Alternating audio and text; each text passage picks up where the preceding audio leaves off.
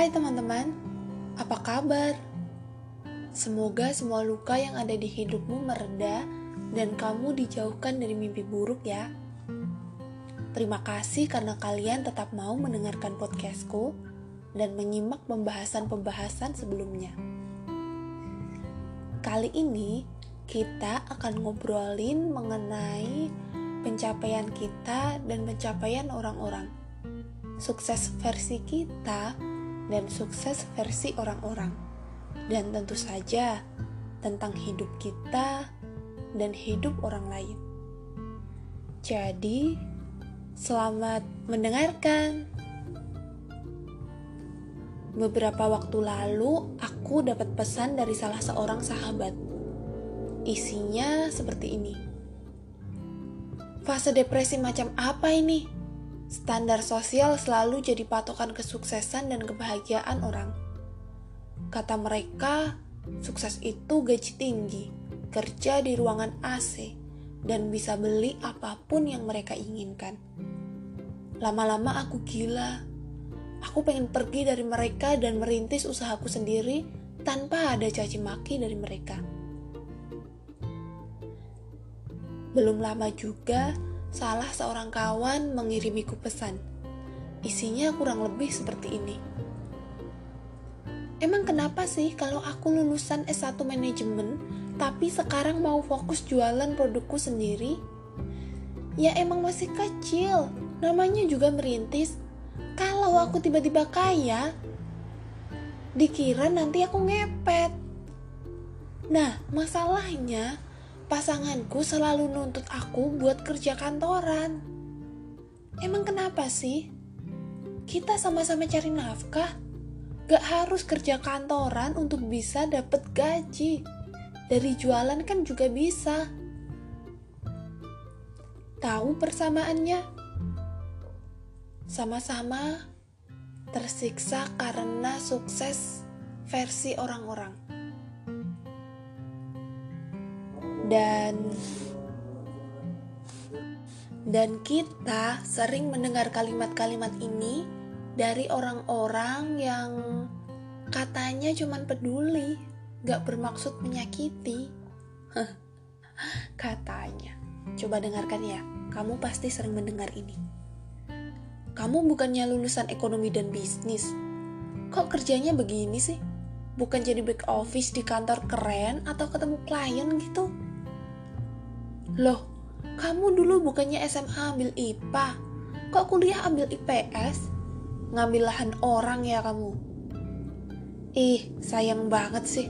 Badan kamu tuh bagus banget buat jadi polisi apa pramugari. Kamu malah milih kuliah. Heran. Ngapain sih kuliah mahal-mahal kalau gajinya setara sama anak lulusan SMA? Malah kadang lebih banyak gajinya yang lulusan SMA dibanding kamu yang katanya sarjana. Stop, oke? Okay? Sekarang, kenapa juga kita hidup kalau akhirnya nanti mati? Karena Tuhan memberi nyawa? Ya tentu saja. Pernah mendengar pernyataan, kenapa harus diberesin? Ntar juga berantakan lagi karena kita diberi kesempatan. Karena kita tidak pernah tahu di depan sana akan ada apa kalau kita tidak mulai berjalan. Sama ketika kita naik gunung, terus jalan tanpa kita tahu pasti di puncak sana apakah kita akan mendapat sunrise yang menakjubkan atau penuh kabut. Terus saja jalan, lewati tanjakan, istirahat kalau lelah tapi jangan berhenti. Puncak sebentar lagi meskipun kita tidak tahu di puncak nanti apakah cuaca akan menyenangkan atau tidak.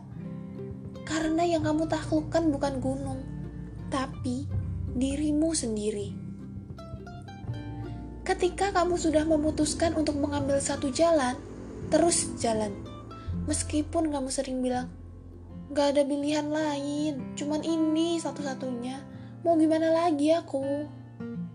Tapi ketika kamu memutuskan untuk melangkah, artinya kamu berani mencoba. Kalau ketemu jalan yang banyak cabangnya, gimana harus milih? Pilih saja jalan yang menurutmu baik. Jalanlah menuju tempat yang baik karena kita tidak pernah tahu tujuan kita itu sebenarnya sebaik apa. Kalau ternyata salah, kamu akan terus mempertanyakan itu sampai waktumu habis karena takut memulai.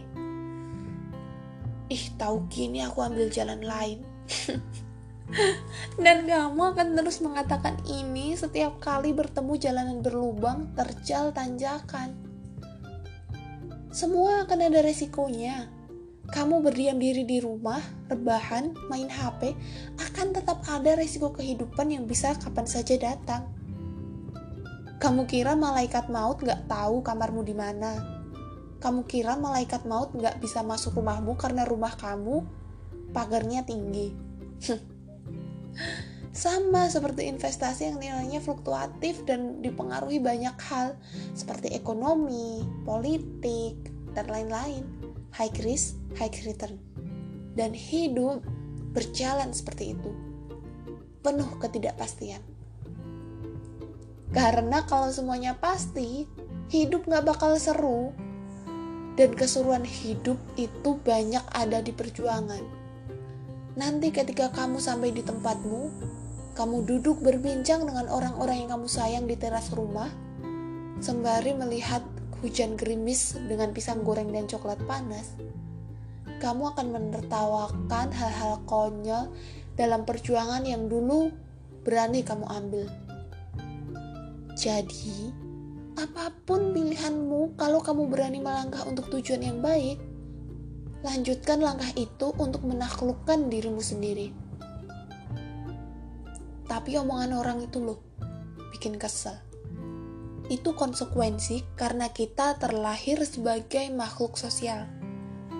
Kita tidak bisa membungkam pertanyaan menyebalkan, kritik menjatuhkan, hinaan, dan cacian mereka sampai kapan pun. Sadari saja bahwa kamu punya pencapaianmu sendiri yang membuatmu bangga atas dirimu sendiri karena orang-orang tidak tahu apa saja yang sudah kamu perjuangkan. Sadari saja bahwa orang-orang toksik akan tetap ada di mana pun kita berada.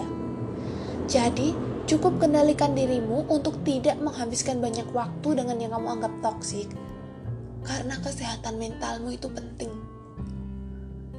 Sadari saja bahwa standar sukses setiap orang berbeda dan semua makhluk tidak perlu tahu standar suksesmu itu karena kamu yang akan merasakan hasilnya. Ada yang menganggap bahwa punya rumah senilai 7 miliar itu sukses. Ya, it's okay. Ada yang menganggap punya rumah minimalis di pinggir sawah dan punya ternak, lalu hidup back to nature, itu sukses. It's okay. Ada yang menganggap bisa traveling ke mana saja itu sukses Gak apa-apa. Ada yang menganggap bisa menyekolahkan adik sampai selesai dan menghidupi keluarga itu sukses. That's good. Suksesku dan suksesmu akan selalu berbeda. Karena perjuangan kita berbeda. Kita tidak mulai start di garis yang sama. Dan tentu saja rasanya akan berbeda. Jadi, jangan paksa aku untuk setuju dengan asumsi sukses versi kamu karena kamu tidak benar-benar tahu aku mulai langkahku dari jurang yang mana. Aku punya cerita. Salah satu sahabatku yang melaksanakan wisuda bareng aku, sekarang dia melakukan pekerjaan yang menurut aku, wow, ini dia banget. Karena aku sangat mengenalnya.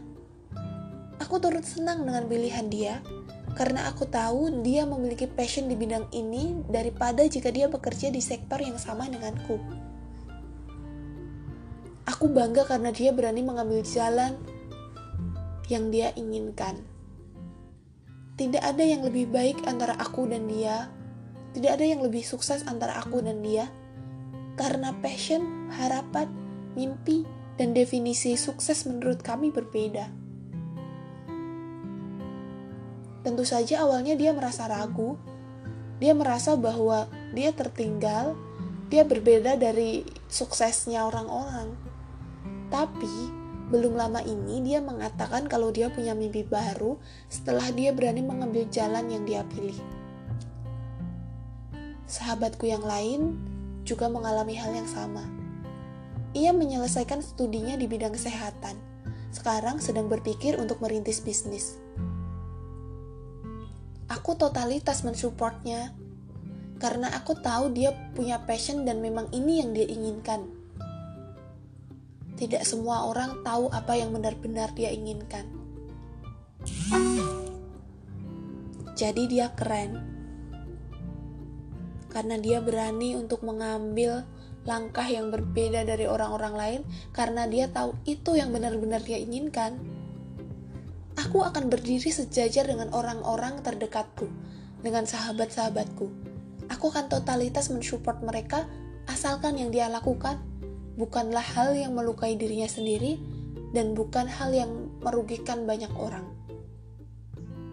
Jadi intinya, kalau kamu merasa jalanmu yang sekarang bukanlah mimpimu selama ini, tenang saja, kamu akan selalu punya pilihan.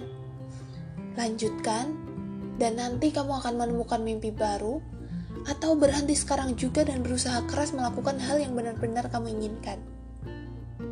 Seperti aku. Aku selalu ingin menjadi penerbang, sampai sekarang. Aku jatuh cinta dengan angkasa. Aku jatuh cinta dengan langit malam. Aku ingin setiap hari terbang menembus awan.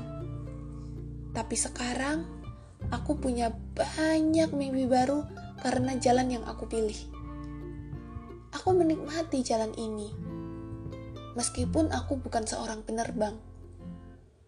Karena untuk menjadi manfaat, untuk bisa menjadi berkontribusi dengan dunia, tidak harus dengan menjadi penerbang. Membuat podcast ini, dan kalian merasa bahwa akhirnya kalian lega karena mendengarkan ini sudah cukup membuatku menikmati hidupku, karena aku sudah bermanfaat sebelum aku mati. Aku menikmati jalan ini, meski kata orang-orang ini jalan yang tidak sesuai denganku. Memang tahu apa mereka tentang hidupku? Tahu apa mereka tentang perjuangan dan luka-lukaku? Aku menutup telinga dari hujatan mereka karena mereka tidak benar-benar tahu apa yang aku inginkan. Dan suksesku adalah tanggung jawabku. Sukses mereka, tanggung jawab mereka. Tidak ada hubungan antara suksesku dan sukses mereka. Karena kami berbeda. Jadi teman-teman, nikmati jalan yang sudah kamu pilih atau berhenti dan lakukan hal yang kamu inginkan. Kamu selalu punya pilihan itu. Terima kasih sudah mendengarkan podcast ini. Semoga sedikit melegakan perasaanmu, dan semoga malam nanti kamu tidak mimpi buruk. Sampai jumpa, bye.